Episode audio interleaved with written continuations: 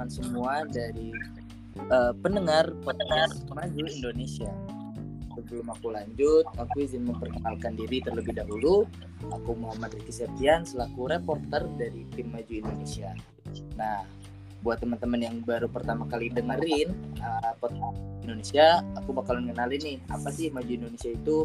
Maju Indonesia adalah platform informatif untuk memberdayakan pemuda Indonesia meraih mimpinya dengan memberikan informasi pengetahuan yang seimbang. Maju Indonesia sendiri ada empat departemen. Yang pertama ada departemen mental health, lalu literasi, teknologi, dan terakhir bisnis. Nah, acara kita pada uh, podcast kali ini adalah dari departemen bisnis yang akan membahas terkait uh, sosial media. Lebih rincinya yaitu what's behind social media, optimize your business with social media. Karena memasuki zaman yang semakin canggih dan modern harus ada dibarengi dengan pertumbuhan pada segala aspek, khususnya aspek teknologi, informasi, dan komunikasi. Sehingga komunikasi antar manusia tidak ada batas, jarak, ruang, dan waktu. Internet atau Internet Connected Networking merupakan salah satu hasil dari kemajuan teknologi yang diciptakan. Dengan adanya internet ini, muncullah berbagai macam aplikasi media sosial seperti Twitter, Facebook, Instagram, TikTok, dan lainnya. Adanya media sosial dijadikan sebagai wadah bagi para pelaku bisnis yang memulai bisnis atau memasarkan bisnisnya. Hadirnya media sosial membantu membantu pelaku bisnis dalam memasarkan, mengiklankan, dan membuat branding tentang produk bisnis menjadi lebih efektif dan efisien. Namun secara fakta masih banyak para pelaku bisnis yang belum memanfaatkan sosial media dalam membantu menjalankan bisnis atau bahkan mengetahui peran sosial media dalam bisnis. Maka dari itu, Maju Indonesia mengangkat tema What's Behind Social Media, Optimize Your Business with Social Media untuk memberikan edukasi dan pengetahuan tentang pengoptimalan bisnis dengan memanfaatkan sosial media. Nah, pada podcast uh, kesempatan kali ini kita bakalan sharing, diskusi, dan ngobrol bareng dengan Kak Raden Fikel Wiko Gusti Kusuma Diningrat yaitu uh, beliau juga sudah berkecimpung dari dunia bisnis mulai dari 2019 sampai dengan sekarang di mana 2019 sampai sekarang beliau merupakan wirausahawan premium growth and smash Fatty Healthy and Ready Store. Lalu pada 2023 merupakan ketua dana usaha seminar Breakthrough to Excellent and Critical Readers. Nah, tanpa berlama-lama lagi uh, sudah hadir bersama saya di sini ada kakak. Uh, selamat malam Kak Raden Miguel. Oke. Okay. Um, Gimana nih Kak kabarnya? Oke, kabar kabarnya baik nih. Kakak sendiri gimana nih, Kak Rizky? Gimana kabarnya, Kak? Alhamdulillah sehat, baik. Uh, uh, Karden Fikil uh, mungkin boleh memperkenalkan diri juga lebih uh, mendalam kepada para pendengar. Oke, selamat malam teman-teman semua pendengar. Kenalkan nama saya Raden Fikol Diko. Di sini saya masih mahasiswa farmasi di salah satu kampus di Jakarta dan saya sekarang sedang melakukan suatu bisnis yaitu dan bumbu yang memiliki nama PT Healthy dijual secara online dan Ready Store merupakan uh, merupakan salah satu perusahaan jasa seperti itu. Oke, itu dia uh, bisnis yang lagi dijalanin juga sama Kak Fikel. Uh, terus nih kak, uh, aku juga ingin nanya nih terkait perkembangan teknologi saat ini dan dengan dengan Kak Fikil sendiri sebagai pelaku bisnis, menurut Kak Fikil sendiri nih uh, sudut pandang Kak Fikil mengenai peran sosial media dalam bisnis itu seperti apa sih kak? Nah, kalau misalkan kita ngomong tentang wira sosial media gitu ya, sosial media ini kan banyak banget digunakan gitu kayak misalkan Facebook, YouTube, WhatsApp, Instagram, atau bahkan sekarang yang lagi viral tuh TikTok gitu. TikTok itu kan kayak dia ada TikTok Shop, terus ada YouTube. YouTube juga memberikan suatu penjualan juga di YouTube. Gitu. Di mana YouTube ini kan biasanya di link atau dikonversikan ke dalam Shopee atau Tokopedia gitu. Jadi sebagai medianya. Dan mereka ini sosial media ini nggak digunakan oleh orang-orang dewasa aja gitu. Bahkan anak kecil atau orang-orang yang sudah tua itu masih menggunakan sosial media gitu. Bahkan sering banget kita nemu tuh kalau ada orang-orang yang nggak pakai sosial media itu dibilang kuno gitu. Karena banyaknya orang-orang yang memakai sosial media ini, menurut saya ini salah satu peluang bisnis banget gitu. Karena kita bisa menjangkau orang dengan lebih gampang lebih gampang dan ngerahin dia itu untuk membeli produk kita gitu kalau nggak beli at least kita bisa mencapai orang-orang itu untuk tahulah produk kita itu apa yang kita jual gitu jadi biar nanti kemudian hari bisa dia beli lagi gitu produk kita gitu Oke, berarti uh, sebenarnya sosial media sendiri bisa membuat reach atau jangkauan dari produk kita supaya lebih dikenal sama masyarakat atau hal lain yang lebih ramai itu lebih gampang ya kayak. Iya betul banget. Jadi karena ada sosial media kita juga bisa lebih itu nih kita menawarkan secara langsung kita rumahnya. atau ke rumahnya itu nggak perlu. Tapi dengan sosial media ini kita bisa menawarkan. produk kita itu tanpa bertemu langsung secara customer. Walaupun seperti itu tapi kan kita juga kenal yang namanya dengan live gitu. Live ini kita bisa interaksi secara customer itu kayak kita berinteraksi secara langsung gitu. Jadi ini poin-poin yang benar-benar harus dimanfaatin banget nih buat sosmed gitu. Jadi kita kalau ada peluang ambil aja gitu. Oke, bener banget sih kak. Uh, jadi uh, dimanfaatkan sosial media ini karena emang sudah ada supaya kita juga relevan sama uh, keadaan saat ini. Dengan begitu reach out dari produk kita juga lebih luas. Uh, terus nih kak, mungkin aku ingin nanya juga uh, bagaimana cara menyesuaikan bisnis dengan adanya sosial media itu. Oke, jadi kalau misalkan di ngomong tentang menyesuaikan bisnis nih, berarti kan ini berarti perubahan ya, perubahan dari konvensional ke online, betul nggak? Betul kak. Oke betul. Jadi kan kalau kita dulu nih kita zaman belum ada sosmed itu kita kayak ya tadi saya bilang e, mau tuh mau terus kita bilang door to door atau kita pasang baleho atau pasang pamflet itu kan materi konvensional gitu di mana kalau konvensional itu kan dia pasti otomatis lebih banyak uang yang dikeluarin lah gitu. Kalau misalkan kita bilang online itu lebih gampang itu lebih gampang dan uang yang dikeluarin itu nggak banyak itu uang yang dikeluarin nggak terlalu banyak dan kita bisa menjangkau orang lebih banyak. Disesuaikan juga dengan budget ya gitu budget dan jangkauannya itu yang buat online. Bagaimana cara kita menyesuaikan dari konvensional ke online gitu? Karena kalau kita ini sebagai anak muda itu kita uh, tidak menjadi salah satu masalah yang besar gitu. Karena ya kita sudah sering banget main dengan sosial media jadi kita udah tahu lah beberapa basic tentang sosmed buat jualan gitu tapi ya kembali lagi kita harus kayak kita walaupun kita tahu sosial media tapi kan kita nggak pernah pakai buat bisnis gitu. Kita cuma hmm. tahunya kayak buat lihat aja gitu ya betul ya? Betul. Kak betul kan? Karena karena kita biasa gitu cuma buat lihat-lihat hal yang membuat kita senang kita jadi akhirnya kita harus belajar lagi dari awal kita lihat-lihat di YouTube gimana misalkan cara berbisnis di Instagram itu bagaimana gitu Terus kalau misalkan cara berbisnis di YouTube bagaimana biar kita tuh menarik pelanggan gitu. Jadi ada platform kita manfaatkan. Jadi lebih ke ini sih, lebih ke kita harus belajar ulang lagi walaupun kita udah ketemu sosial media gitu sih sebenarnya.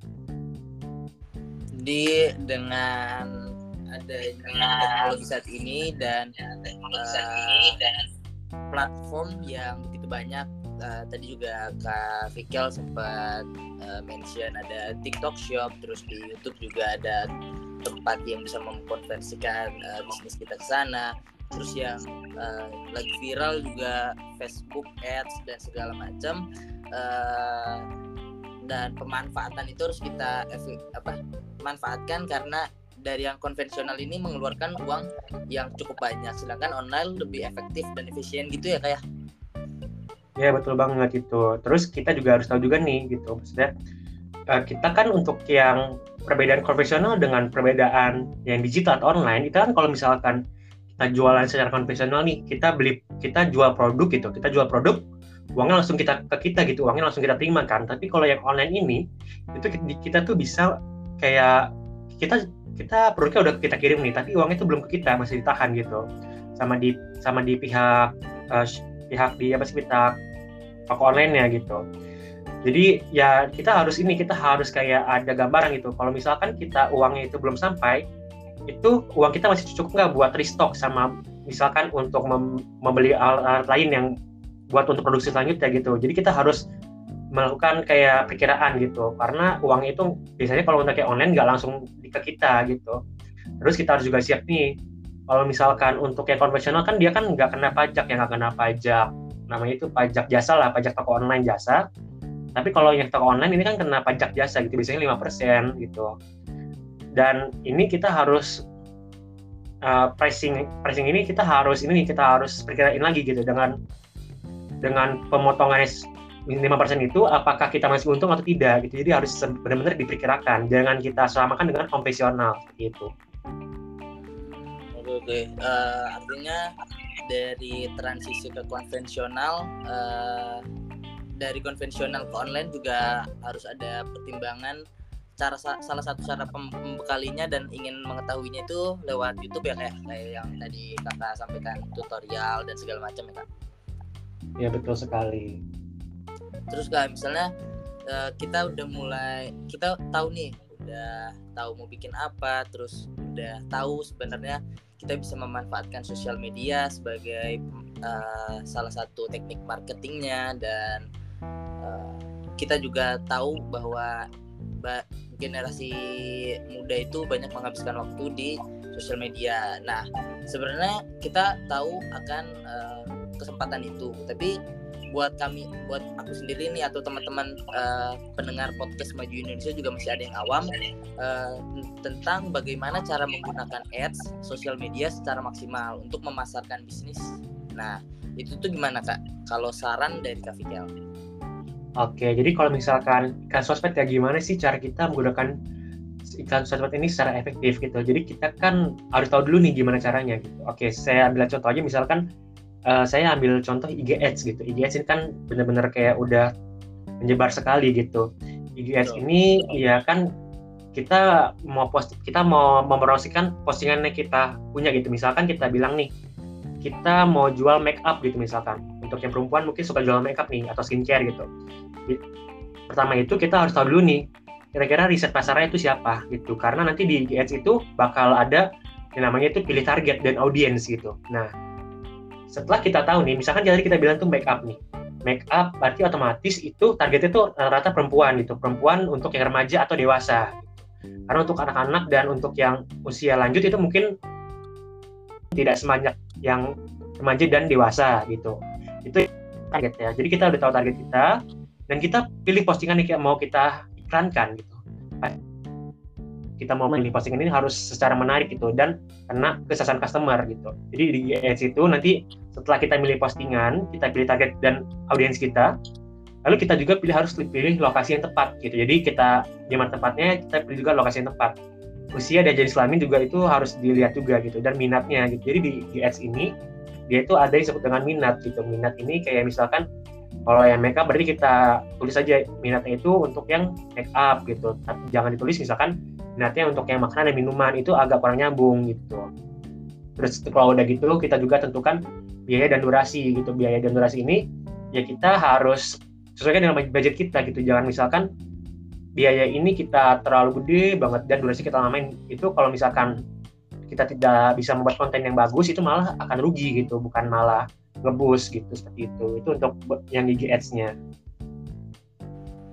Oke berarti uh, harus ada kepekaan kita untuk memilih target pasar ya kayak Iya betul banget gitu. Uh, karena kalau kita lihat yang lagi viral saat ini untuk yang tadi juga sempat Kak Vikel sebutin kalau yang menjadi pertimbangkan yang harus dipertimbangkan untuk men mensasar customer adalah minat, usia, jenis kelamin, biaya, dan durasi. Karena uh, kalau dari yang Kak Fikel sampaikan tadi kan Instagram Ads, terus yang sempat viral uh, udah mungkin dua tahun kebelakangan itu tentang ini ya kayak apakah paid promote ataupun endorse ke selebgram juga ya. merupakan salah satu pemanfaatan ya kayak ya betul banget gitu. Dengan memilih semisal uh, beauty vlogger di endorse-nya juga harus tentang make up dan segala macam. Sedangkan misalnya dokter Tirta di endorse-nya dengan kesehatan sehingga target audiens ataupun followersnya juga itu yang mereka perlukan. Begitu ya kayak ya? betul banget. Jadi kita harus kalau kita mau melakukan dengan suatu influencer seorang influencer itu kita harus ya tadi benar ya kata anda sampaikan itu kita harus beli influencer yang benar-benar satu satu jalan dengan produk kita gitu. Jadi kita bisa mencakup audiens gitu. Dan misalkan kita menjual makeup nih tapi kita misalkan jualan ke ini ke pedagang misalkan spray gitu kan itu kan agak kurang masuk gitu. Orang-orang yang orang-orang yang kalau dia itu pasti rata-rata suka spray gitu tapi pas makeup itu mungkin biasa aja gitu mungkin ada cuman nggak maksimal kalau kita uh, endorse ke orang-orang yang memang tertarik di makeup seperti itu. Iya. Uh, berarti uh, nyambung nih uh, pertanyaan uh, yang ingin aku sampaikan sama yang tadi sempat topik yang kita bahas terkait tips dan trik pemanfaatan sosial media yang tepat dalam meningkatkan performa bisnis tuh saran dari Kak Fikel gimana Kak? Oke, ini berarti berhubungan dengan tadi juga gitu ya? Iya. Nah, oke. Yang tadi yang saya bilang itu adalah pertama adalah riset pasar dulu nih. Kita kita punya produk nih produk itu kita buat sendiri atau kita dropshipper gitu. Jadi dropshipper itu adalah salah satu mana kita ngambil produk dari orang lain tapi kita nggak megang barang gitu. Jadi kita cuma memasarkan saja tapi kita nggak megang barang dengan reseller gitu. Kalau misalkan kita buat produknya sendiri, ini kita harus tahu dulu nih, ini produk itu bakal laku di mana gitu, di siapa, dan apakah dia laki-laki atau perempuan gitu. Itu yang pertama gitu. Setelah itu kita kan tahu nih pasar kita siapa gitu. Oke, setelah kita tahu pasar kita, kita cari tahu nih kira-kira media yang paling banyak digunakan kayak FB, IG, TikTok itu kan orang-orang yang mungkin FB itu mungkin orang-orang yang uh, usia dewasa ke atas itu untuk FB. Misalkan Instagram untuk usia-usia yang muda, TikTok usia-usia yang muda juga gitu. Itu kita harus lihat dari situ tuh. Kita umurnya berapa sama jenis apa gitu. Setelah itu kita juga harus membuat deskripsi produk yang sangat baik gitu. Jadi kalau misalkan kita di sosial media, misalkan Instagram itu kita buat deskripsi produk itu yang menarik gitu. Jadi deskripsi produk itu nggak cuma menampilkan spesifikasi, misalkan saya menjual make up warna bla bla bla bla bla, merek bla bla bla bla, tapi kita harus meraih gitu, meraih sentimental dari si customer ini. Nah kalau misalkan kita bilang ini gimana sih cara buat deskripsi produk, produk yang baik itu akan ada sesinya lagi gitu karena deskripsi produk itu sangat kompleks gitu. Jadi kalau misal produknya sangat bagus itu ada tahapannya gitu kita nggak boleh terlalu tidak menjerumus ke produk tapi tidak boleh juga terlalu menjerumus ke produk gitu. Itu ada partnya. Terus kita juga kalau untuk yang kita memiliki produk sendiri ini kita harus mendesain suatu produk itu yang beda dari orang lain gitu. Jadi kita itu punya ciri khas lah punya ciri khas dari kompetitor. Misalkan nih misal kita punya makeup nih itu makeupnya misalkan dia tahan air gitu atau misalkan nggak nggak bisa luntur gitu atau misalkan bisa berubah warna. Nah gitu. Itu salah satu kan orang kan jadi melihat oh ini make upnya lagi viral gitu. Viral kenapa? Karena bisa berubah warna misalkan gitu. Nah itu jadi jadi salah satu apa sih salah satu konten yang bisa dijadikan promosi gitu. Jadi dengan bedanya produk ini ini bisa jadi salah satu promosi kita. Terus setelah itu kita juga harus mengikut tren. Jadi kalau misalkan kita kita tahu nih misalkan kita punya usaha kue gitu misalkan kue kan dulu itu kan kemarin tuh lagi viral namanya lato-lato bener nggak lato-lato? Betul pak. Semua orang mainin. Iya dari orang itu semua memainkan gitu. Jadi anak kecil anak orang gede gitu. Yang tadinya mainan lama tapi bisa viral lagi. Nah misalkan kita punya usaha kue lato-lato gitu. Kita buat uh, misalkan produk yang kue tapi bener lato-lato gitu. Jadi kayak wah ini orang ikut tren juga gitu. Jadi orang yang tadinya nggak mau beli tapi karena dia lihat orang itu punya kue yang bentuk lato-lato jadi tarik gitu loh gitu jadinya kan. Kita jadi nggak mau dibeli gitu. Terus yang terakhir ini kita ya harus optimasi profil sih. Jadi kita buat udah buat profil yang ada di Instagram tapi kita harus buat video menarik terus kita buat link juga link yang nyangkut lah link yang ngikut ke Shopee kita atau Tokopedia atau pokoknya marketplace apa pun lah gitu seperti itu. Jadi uh, kita untuk dari saran Kak Fikal sendiri harus ada tagline produk yang bikin uh, produk kita juga terdengar terus ya kayak karena uh, related dan relevan pada pasar juga dan harus beda sebagai ciri khas untuk jadi daya tarik ya kayak iya betul banget. Karena uh, nyambung nih kak sama yang tadi uh, kak bahas uh, pastinya kan di era digital saat ini banyak banget uh, pesaing ataupun pelaku bisnis yang mulai transisi dari konvensional ke online sehingga banyak banget uh, bisa dibilang saingan kita dalam memulai bisnis. Apalagi ada teman-teman yang baru uh, ada uh, pelaku bisnis yang udah mulai mungkin dari tiga atau empat tahun sehingga mereka hanya ting tinggal transisi saja terus uh, uh, cara supaya kita bisa baru eh, walaupun kita baru sebagai pelaku bisnis tetapi uh, mampu bersaing di pasar yang bisa dibilang persaingannya sangat ketat gitu di era uh, teknologi yang pesat saat ini. Apa sih kak tips yang atau trik biar kita bisa bersaing secara uh, atau uh, kemungkinan terbaiknya kita bisa bersaing secara nasional ataupun global. Oke. Jadi kalau misalkan kita punya produk baru nih, itu kan susah banget nih kan buat naiknya itu gitu. Tipsnya adalah kalau yang saya tahu itu ya pertama ya tadi kita buat produk nih, buat produk itu yang beda banget nih, buat buat produk beda banget dari produk lain. Misalkan yang tadi saya bilang, misalkan makeup itu bisa berubah warna atau nggak luntur gitu. Itu yang pertama. Terus kalau misalkan kita udah punya suatu keunggulan dari produk ini, kita tawarkan dulu ke orang-orang terdekat kita gitu, tawarkan ke orang-orang dekat reviewnya gitu. Itu ini sebelum ini ya, sebelum dipasarkan secara secara luas itu kita minta reviewnya. Okay. Menurut mereka menurut mereka, menurut mereka bagaimana gitu? Apakah produk yang kita gunakan itu enak gitu, enak dipakai atau misalkan tidak enak dipakai, kalau tidak enak tuh kenapa gitu. Nah setelah itu kita minta feedback, minta feedback dan kita perbaiki gitu, perbaiki produk kita. Kita kita tanya lagi gitu kita tanya ini kayak gini gimana menurut kamu? Gitu. Oh udah enak nih. Nah kalau misalkan dia udah menurut enak ini kita tesnya nggak cuma satu dua orang tapi beberapa orang gitu. Setelah dites baru kita bisa pasarkan ke oh, ke marketplace gitu. Itu kalau misalkan lebih mau aman.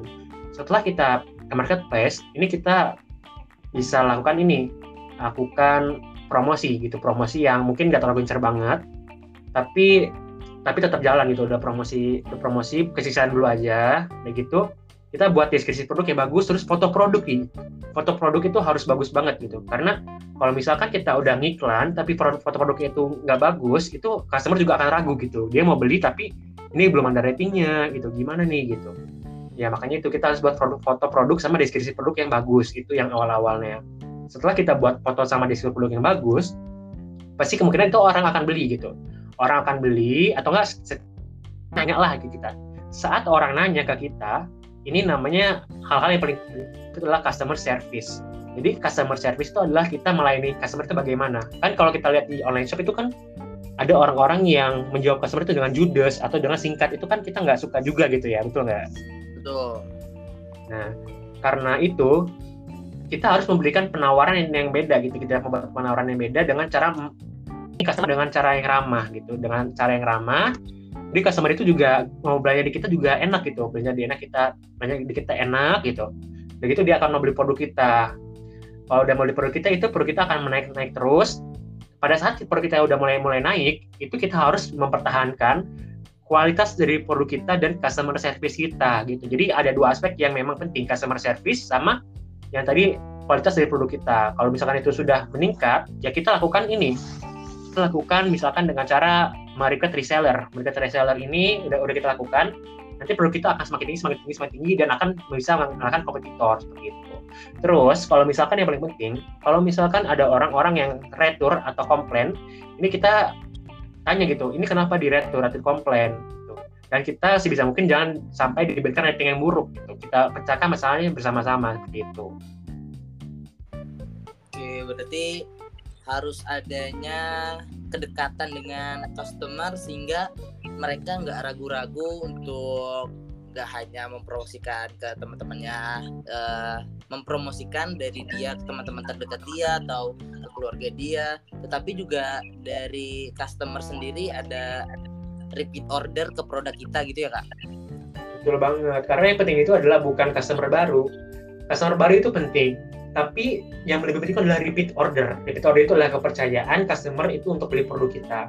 Nah ini ya mungkin untuk yang orang-orang beli baru mungkin satu atau dua produk, tapi kayak repeat order ini dia itu bisa belinya langsung kayak 10 gitu. Bahkan pernah ada customer saya itu yang beli langsung sampai 70 pieces itu. Karena dia sudah wow, percaya dengan wow. customer gitu, percaya dengan toko gitu. Itu sebenarnya yang penting banget.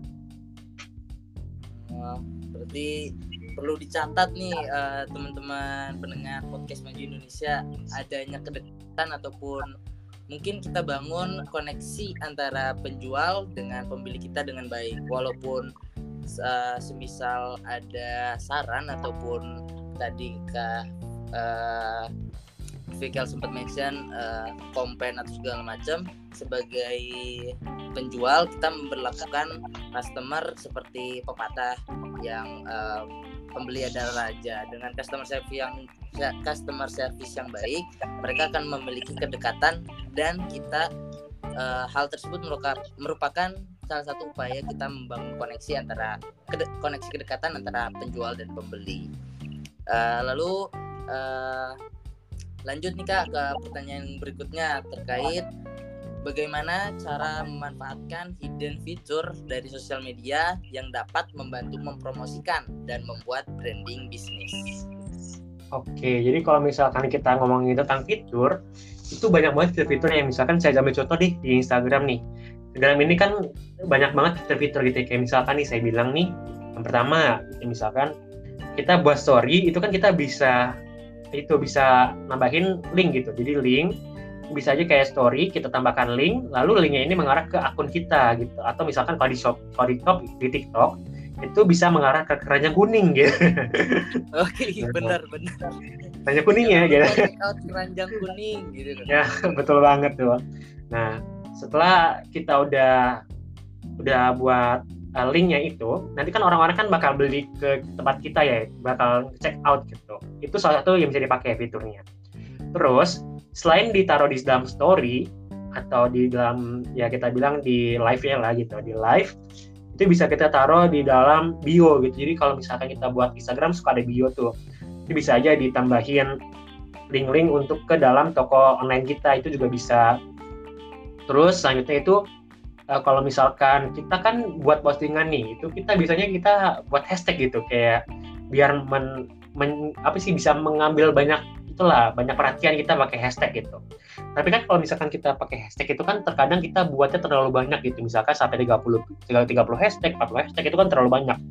Jadi ada namanya fitur Instagram itu yang namanya hype extra hashtag gitu. Jadi kalau misalkan kita lihat itu sering banget kalau misalkan hashtagnya banyak kita kayak spasi-spasiin aja spasi-spasi ke bawah biar hashtagnya itu nggak terlihat gitu. Jadi kalau misalkan hashtagnya nggak terlihat itu lebih rapi. Itu bisa jadi salah satu hidden fitur untuk meningkatkan promosi dan lebih lihat dilihatnya juga lebih enak gitu. Terus untuk yang uh, selanjutnya itu kan di Instagram itu kan kayak ada notification gitu. Jadi kita sebagai penjual ini bisa aja kayak mengarahkan para pembeli itu jangan lupa ya untuk turn on notifikasinya gitu. Nah, jadi kalau misalkan kita posting itu kan orang-orang oh ini saya menjual apa ini notifikasinya kelihatan gitu. Itu kan jadi salah satu aspek buat kita promosi juga yang tadi orangnya nggak tertarik tapi karena dia nyari notifikasi jadi tertarik gitu. Itu juga salah satunya.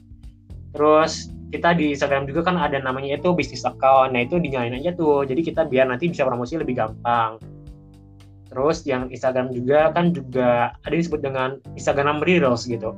Di Instagram Reels ini kita bisa melakukan ini melakukan um, cover video. Jadi di Reels itu kan suka ada cover video gitu cover video ini kalau bisa kita buat thumbnail yang menarik gitu menarik gitu. Di reels ini jadi kita buat thumbnail yang menarik dan di dalam reels ini kita menawarkan produk gitu menawarkan produk kita. Tapi perlu diingat juga nih kalau misalkan kita menawarkan produk atau promosi jangan terlalu hard selling gitu tapi kita dimainin dengan soft selling juga gitu. Jadi jangan terlalu masa customer tapi kita biar itu customer itu buat nyaman dulu gitu gitu. Terus yang terakhir juga yang saya tahu itu kalau di Instagram kan juga ada yang dengan uh, story highlight gitu story highlight. Ini jadi kita bisa mengkelompokkan yang mau kita jual itu dari story itu bisa kita buat highlight gitu. Jadi misalkan kita menjual berbagai produk nih misalkan kita toko kecantikan. Uh, kita hari satu misalkan make up hari kedua misalkan skincare hari ketiga misalkan apa empat apa lima apa. Jadi biar customer itu tahu dia mau beli apa terus dia lihat ke mana seperti itu artinya uh, fitur daripada sosial media itu sendiri harus dimanfaatkan pertama supaya uh, mempermudah daripada customer mencari terus uh, mempermudah customer untuk ingin membeli dan segala macam lalu membuat uh, notifikasi ataupun fitur-fitur ini harus semenarik dan semenarik mungkin dan enak dilihat sehingga ada kenyamanan daripada customer. Dan uh, highlight yang tadi yang terakhir mendukung itu semua. Pertama uh, mampu memberikan kenyamanan jadi kayak terkotak-kotak. Ada di yang highlight ini semua tentang make up tentang mata misalnya di highlight berikutnya tentang lipstick dan sehingga pemanfaatan fitur ini menjadi nyata dan mempermudah untuk para customer yang ingin tahu produk kita ya kayak Ya betul banget. Oke, mungkin last question nih kak tentang bagaimana tanggapan mengenai kesalahan bisnis pemula dalam penggunaan sosial media. Boleh di-share nih kak?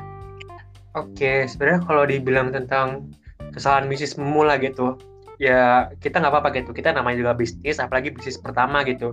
Soalnya saya juga jarang mendengar gitu orang-orang yang bisnis pertama itu langsung naik gitu. Jadi ya itu kalau misalkan langsung naik berarti alhamdulillah berarti itu bagus gitu. Tapi kalau misalkan ya tidak tidak langsung naik itu berarti ya kita harus mencoba lagi gitu. Tapi mencoba lagi ini ya kita harus barengi dengan ilmu yang lebih matang lah dari sebelumnya. Dengan cara ya kita riset dulu gitu. Kira-kira kita mau jualan di mana? Mau jualan di mana? Perlu kita bisa laku nggak sih kalau di kita jual di situ gitu? Terus kita juga harus lihat juga nih kayak kompetitor lain itu gimana nih? Saingannya apa gitu? Apakah saingan di harga doang? Atau bisa saingan di hal-hal lain misalkan di varian gitu. Kalau misalkan kita masih bisa saingan di harga dan varian berarti kita kemungkinan masih bisa maju gitu.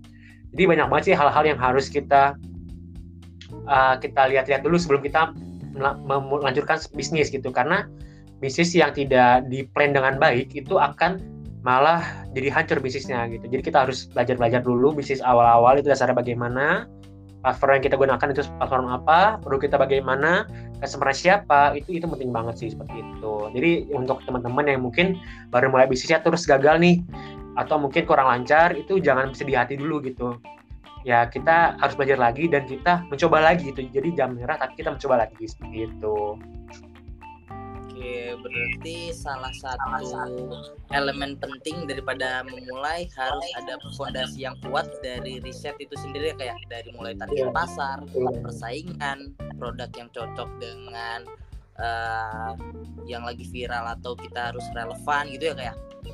Betul banget.